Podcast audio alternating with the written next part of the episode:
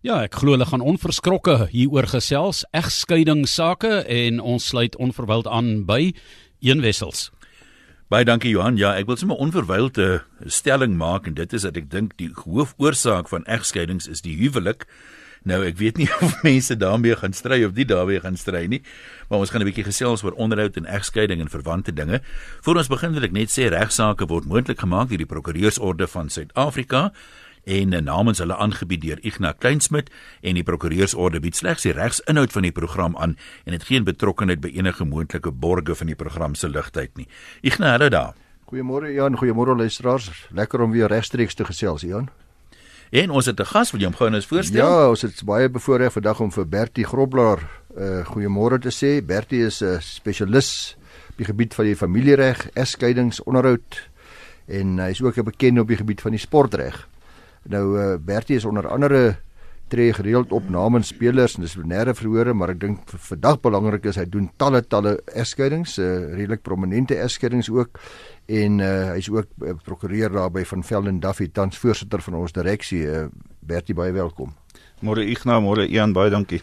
Ek het toevallig pas Dis nou nie 'n aanleiding van die program nie, maar 'n e-pos gekry wat ons miskien mee kan begin Bertie wat dink ek betrekking het op hierdie tipe van dinge waaroor ons praat vandag. Dit is van 'n dame wat sê uh haar man is in 2010 geskei in Potchefstroom, in 2012 het hulle verloof geraak en hy gaan toe na die prokureur toe wat hom geskei het en uh daar begin toe nou 'n lang drama, hy word van bakboord na stuurboord gestuur. Hy kry nie bewys dat hy wel geskei is nie want die departement van binnelandse sake sê hy is nog getroud en nou word sy herwaarts en derwaarts gestuur Uh hoe maak 'n mens in so 'n geval as jy nie die egskeidingsbevel uh of afskrif daarvan dalk in die hande kan kry nie wat sy praat van die leer wat hulle gaan soek het, dis leeg. Ja, een ongelukkig gebeur dit die laaste tyd in 'n klomp gevalle en daar uh, bestaan 'n wanpersepsie by mense dat die die, die prokureur se verantwoordelikheid is om toe te sien tot die aanmelding of die registrasie van die egskeiding by die departement van binnelandse sake. Dit Hoe dit veronderstel is, is om te werk na 'n egskeiding afgehandel is, stuur die departement verteenwoordigers na die howe toe en hulle noteer die egskeidings wat in 'n maand afgehandel is. En daar gebeur van tyd tot tyd en as ek sê al hoe meer dat daai aantekening en registrasie van die egskeidings nie plaasvind nie. Nou al wat sy kan doen is om die proses te volg soos hy nou gedoen het, navraag te doen, maar op 'n tydstip as mens al die remedies uitgeoefen het wat jy self kan doen, bly dit enigste maar oor om 'n prokureur opdrag te gee om 'n uh, aanmaningsskrywe te stuur en dan op die einde van die dag by wyse van 'n verklarende bevel die minister en die direkteur-generaal van binnelandse sake te verplig om te verklaar dat hierdie huwelik onpunt is. Dit gebeur nou selfs dat ehm um, ek het nou onlangs te doen gehad waar daar 'n uh, 'n egskeidingsbevel noteer is teen sekere individue terwyl hulle nooit nooit geskei is nie en inderdaad nog steeds getroud is. Mm. Nou die implikasies daarvan spreek van self in boedelbeplanning en sou een te sterwe kom. Ja, net so gebeur dit ook dat uh, dit soms die huwelik self, die registrasie van die huwelik nie behoorlik genoteer word by die departement deesdae nie. Ander wie is getroud, maar as jy aansoek doen vir 'n visum of wat ek nogal kom jy agter by oog, ek is eintlik nog ongetroud wat die staat betref ook maar weer dieselfde proses volg om te bewys dat jy inderdaad eh, wettig getroud is. Dan het ek hier 'n e-pos gekry van een soos ek sien, ek gaan laaste die naam noem en baie keer sê mense dit aan die einde ek wil anoniem bly. Uh, my dogter het 'n dogter gehad by 'n man, dit was 15 jaar gelede. Hy het vir 'n kort rukkie bietjie onderhoud betaal. Sy is toe met iemand anders getroud en hulle het ook 'n dogtertjie. Nou my kleindogter het vir 'n tyd lank kontak gehad met die uh hom en sy seun by iemand anders. My dogter het nog nooit sleg gemaak onder haar nie. Hy is verlede jaar vir 6 maande in die rehabilitasiesentrum vir dwelmverslawing. Hy het vir jare al die probleem. Sy vriende is almal verslawings en groot partymense. Hy het nou heeltemal opgehou om onderhoud te betaal. Hy bly in sy kar met 'n vrou en haar 2-jarige kind en hy sien of kontak my kleindogter glad nie. Sy's baie lief vir hom, maar ek dink dis ek nou in die Queens uit Sondag vir jaar. Hy het haar eers die aand 6uur ge-SMS om geluk te sê. Hy is 'n baie intelligente man, wel so het ek gedink. Wat ek wil weet is of my dogter onderhoud van sy ouers mag eis. Hulle is vermoënd sy ma is 'n baie bekende dokter en besit 'n maatskappy wat uh, homeopatiese medisyne vervaardig en verkoop in apteke. My dogter en haar man verdien albei goeie salarisse, my kinders is duur en ek voel dat hulle uh, hulle kant kan bring namens hulle seun. Nou is dit reg of verkeerd vra ED Smit. Ja, in hierdie geval is dit ehm um, eerstens van belang om te let op wie 'n uh, ouer onderhoudsplig val. Nou 'n onderhoudsplig val op biologiese ouers, maar ook tussen grootouers en kleinkinders. So daar is 'n onderhoudsplig wat rus op oumas en oupas om hulle kleinkinders te onderhou. Maar en die maar is die belangrike gedeelte. Dit is slegs indien 'n ouer nie in staat is om onderhoud te betaal nie wat die onderhoudshof dan kan gelas dat grootouers daardie verpligting van die ehm um, ouers oorneem. En hierdie beginsel is gevestig in uh dis 'n baie nuuswaardige saak wat baie nuusdekking geniet het, die saak van Willem de Klerk, die die seun van voormalige president F.W. de Klerk, waar die hof moet bevind het dat biologiese ouers moet eers bewys dat grootouers die vermoë het om daartoe te kan bydra en dat die ouer nie in staat is om onderhoud te kan betaal nie. Bertie ons kry geweldig baie briewe en sluit so bietjie hierby aan uh waar oumas en oupas vra wat is hulle reg tot kontak met die klein ding? Uh en selfs ook sal hulle geregtig wees om uh die primêre versorgers van kleinkinders te word waar hulle bekommerd is. Baie dikwels is een van die kinders afgesterf dogter het gesterf nou is die kinders by pa pa te werk wat hom uit die wat hom wat wat maak dat die kinders moet uh, eintlik vir ander mense afgee gedurig ensovoorts maar daar's talle scenario's. Of pa raak verslaaf of of albei ouers is uh, is so dat hulle 'n probleem het. Ja. 'n uitstekende stukkie wetgewing wat volgens my die lig gesien het is die kinderwet in uh, wat in 2005 in werking getree het. Wat bepaal dat enige persoon wat 'n belang het by 'n kind die hof kan nader en die die frase wat van belang is hier is wat is in die beste belang van hierdie minderjarige kind. En dit is die oorweging wat die hof heel voorop stel, die prioriteit oorweging. Maak nie saak wat is ma en pa se uh se verweere en omstandighede nie. Die hof gaan kyk na wat is die beste belang van die minderjarige kind. So inderdaad kan grootouers kan 'n aansoek bring dat ouerlike regte en verantwoordelikhede soos uiteengesit in die wet, ehm um, aan hulle toegeken word. Dit kan beteken dat die biologiese ouers van daardie kinders of van daardie kind ehm um, normale kontakregte kan hê en in sekere omstandighede jy verwys nou na na dwelmmisbruik en iemand wat wat se omstandighede nie in die beste belang van die kind is nie, kan daardie ouerlike regte en verantwoordelikhede in totaliteit opgeskort word, net soos in 'n gewone egskeidingsgeding. Bertie is 'n kort vraag van Skalk. Hy vra wanneer kan 'n landdroshof 'n egskeiding aanhoor? Die streekhof kan ook mos egskeidings doen, maar hoe weet 'n mens wanneer kwalifiseer jy om so intoe te gaan? Ja, die die streekshof is nou gemagtig om enige egskeiding aan te hoor.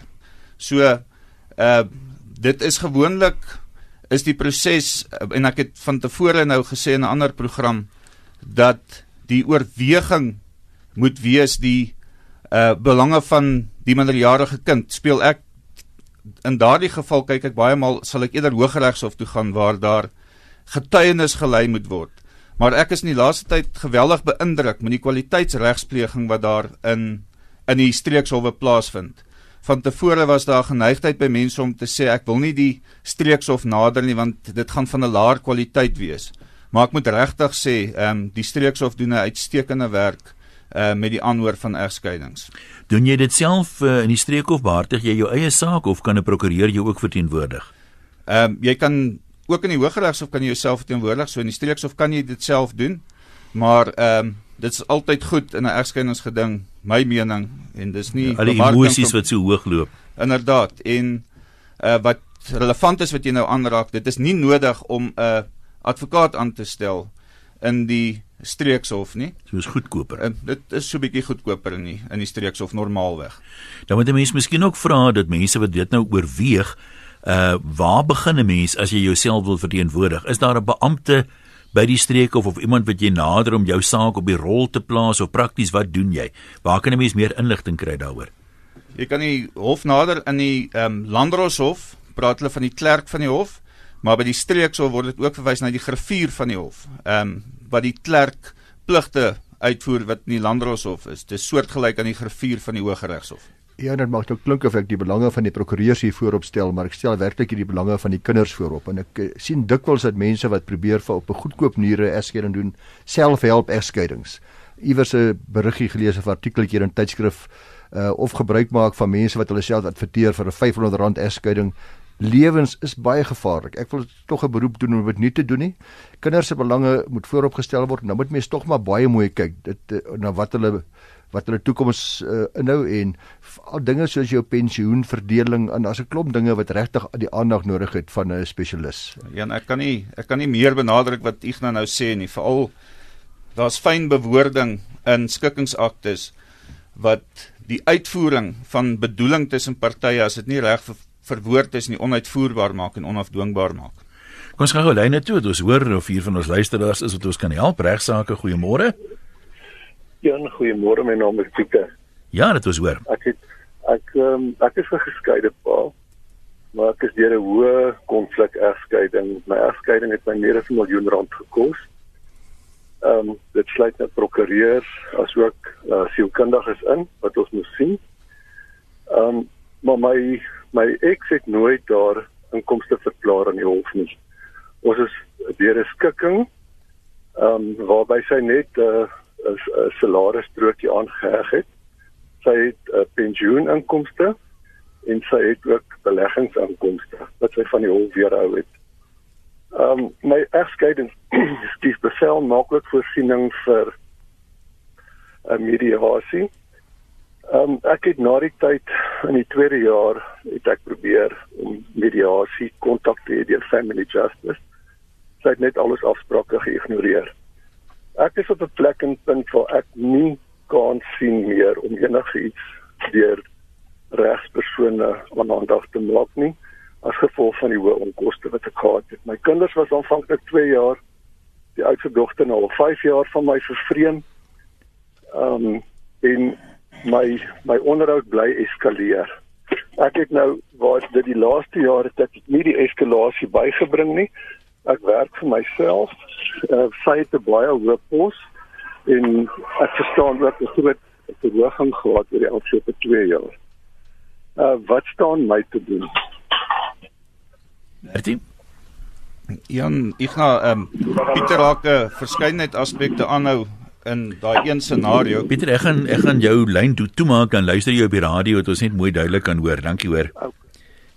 As ek met die laaste een kan begin, uh die onderhoudswet maak voorsiening ook vir 'n vir 'n pa in hierdie geval en ek lei af dat hy die nie primêre versorger is dat die kinders by sy vrou woonagtig is om die hof te nader om 'n verlaging van die onderhoudsbevel soos toegestaan deur die Hooggeregshof.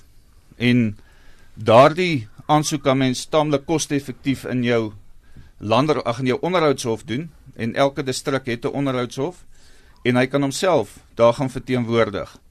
Ehm um, weer eens as die aard en die omvang van die dispuut groter raak, is dit altyd beter om by wyse van regsteenwoordiging uh die saak aan te raak, maar hy kan die hy kan hierdie hof nader en ehm um, aansoek doen om verlaging van sy verpligting. In daardie gevalle is daar twee frases wat van toepassing is en dit is die behoefte en die vermoë om te betaal. En ehm um, uit wat Pieter nou gesê het, het sy vermoë verander weens sy werksomstandighede wat verander het en dit dit bring 'n veranderde omstandigheid teweeg en kan hy om daardie basis die onderhoudshof nader. Verder meer die eerste punt wat hy sê rondom die uh feite wat nie openbaar is in die egskeiding nie dit klink vir my of hy 'n skikkingsooreenkoms onderteken het. Na daardie ooreenkoms sê dis by oor dis by ooreenkoms by onder na onderhandeling tussen die partye het hulle hierop ooreengekom. Ehm um, daar is 'n manier in 'n egskeidingsgeding om inligting van die ander party te bekom en dis die verpligting van 'n gedingsparty en sy regsteenwoordiger om daardie remedies uit te put. Uh as daar onduidelikheid is byvoorbeeld oor bates en inkomste en en uitgawes.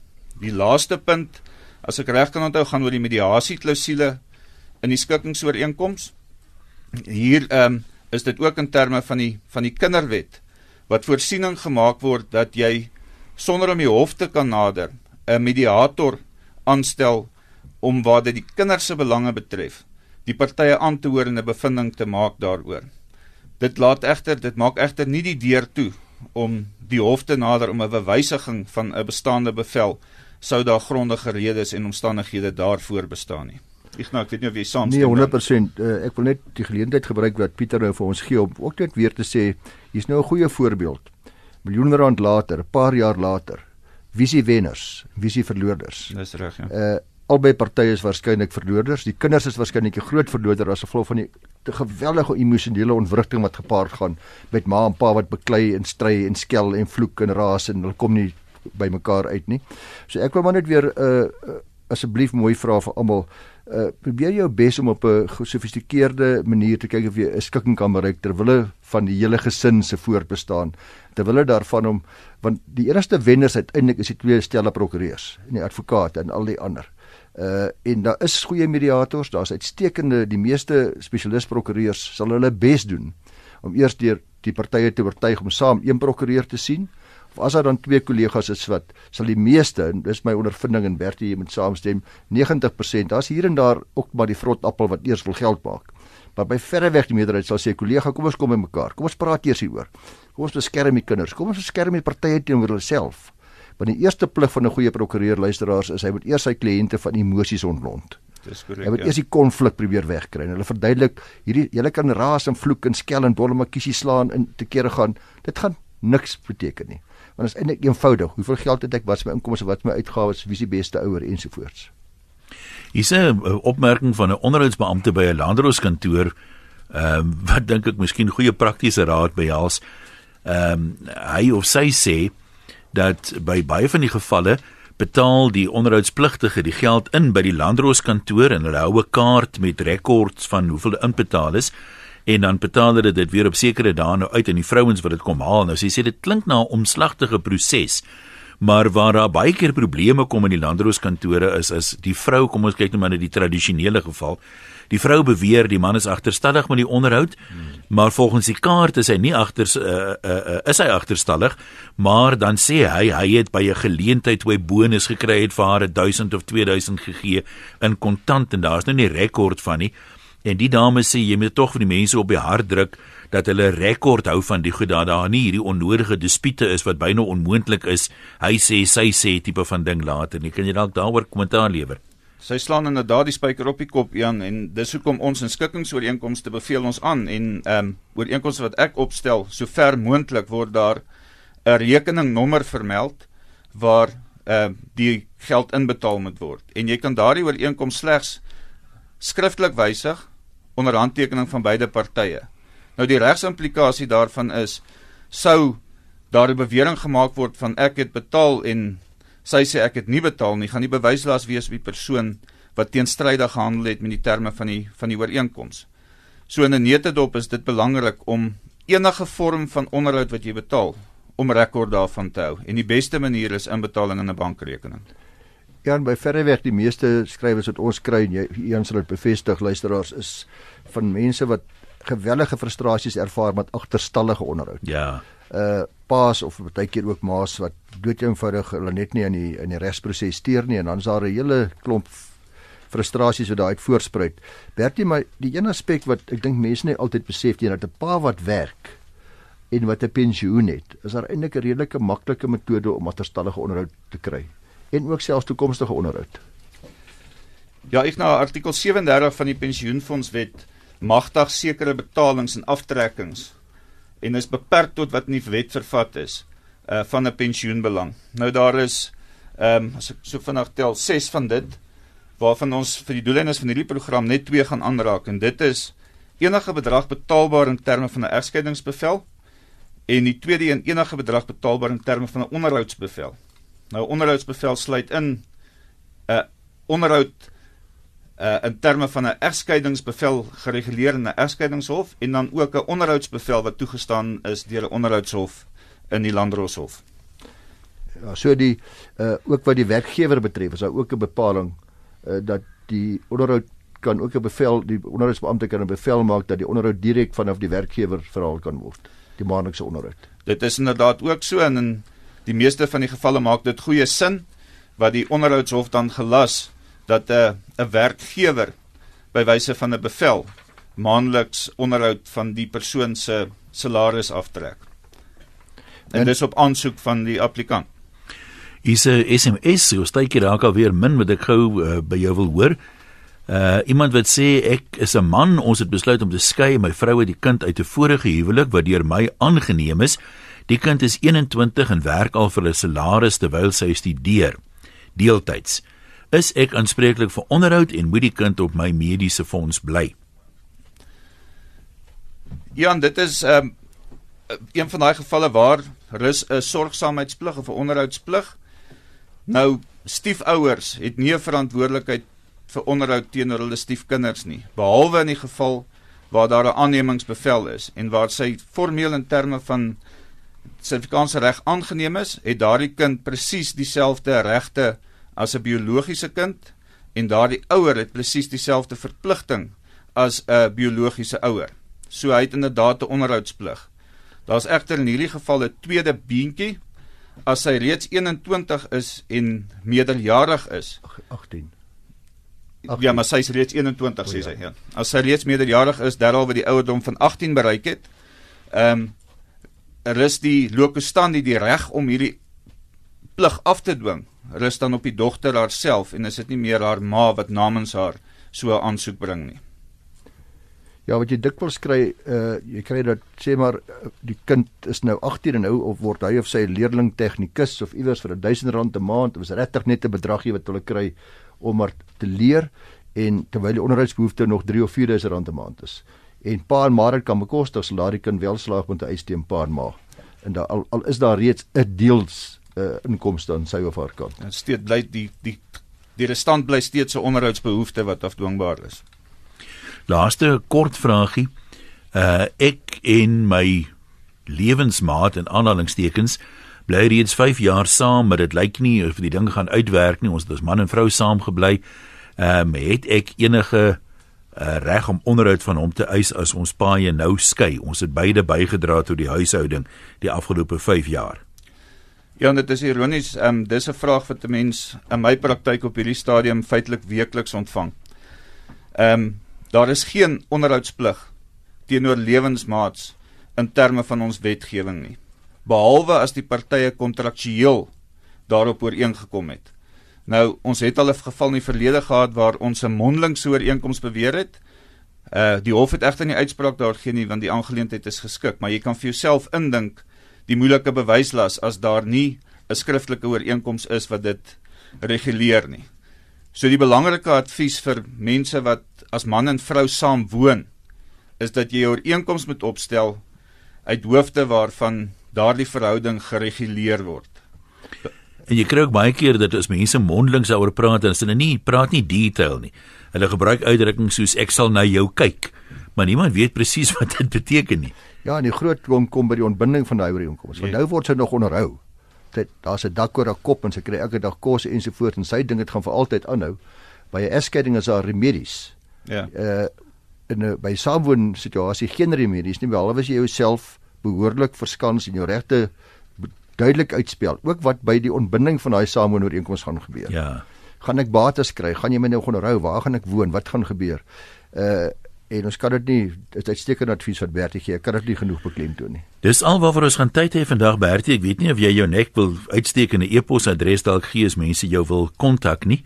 Met groot liefde Ian, uh, my e-posadres is bertie b e r t i e g by vvd.co.za. Bertie G by vvd.co.za. Ek sê baie dankie Bertie vir jou uh, tyd en uh, Ignas oudergewoonte baie dankie vir jou ook. Groete aan almal.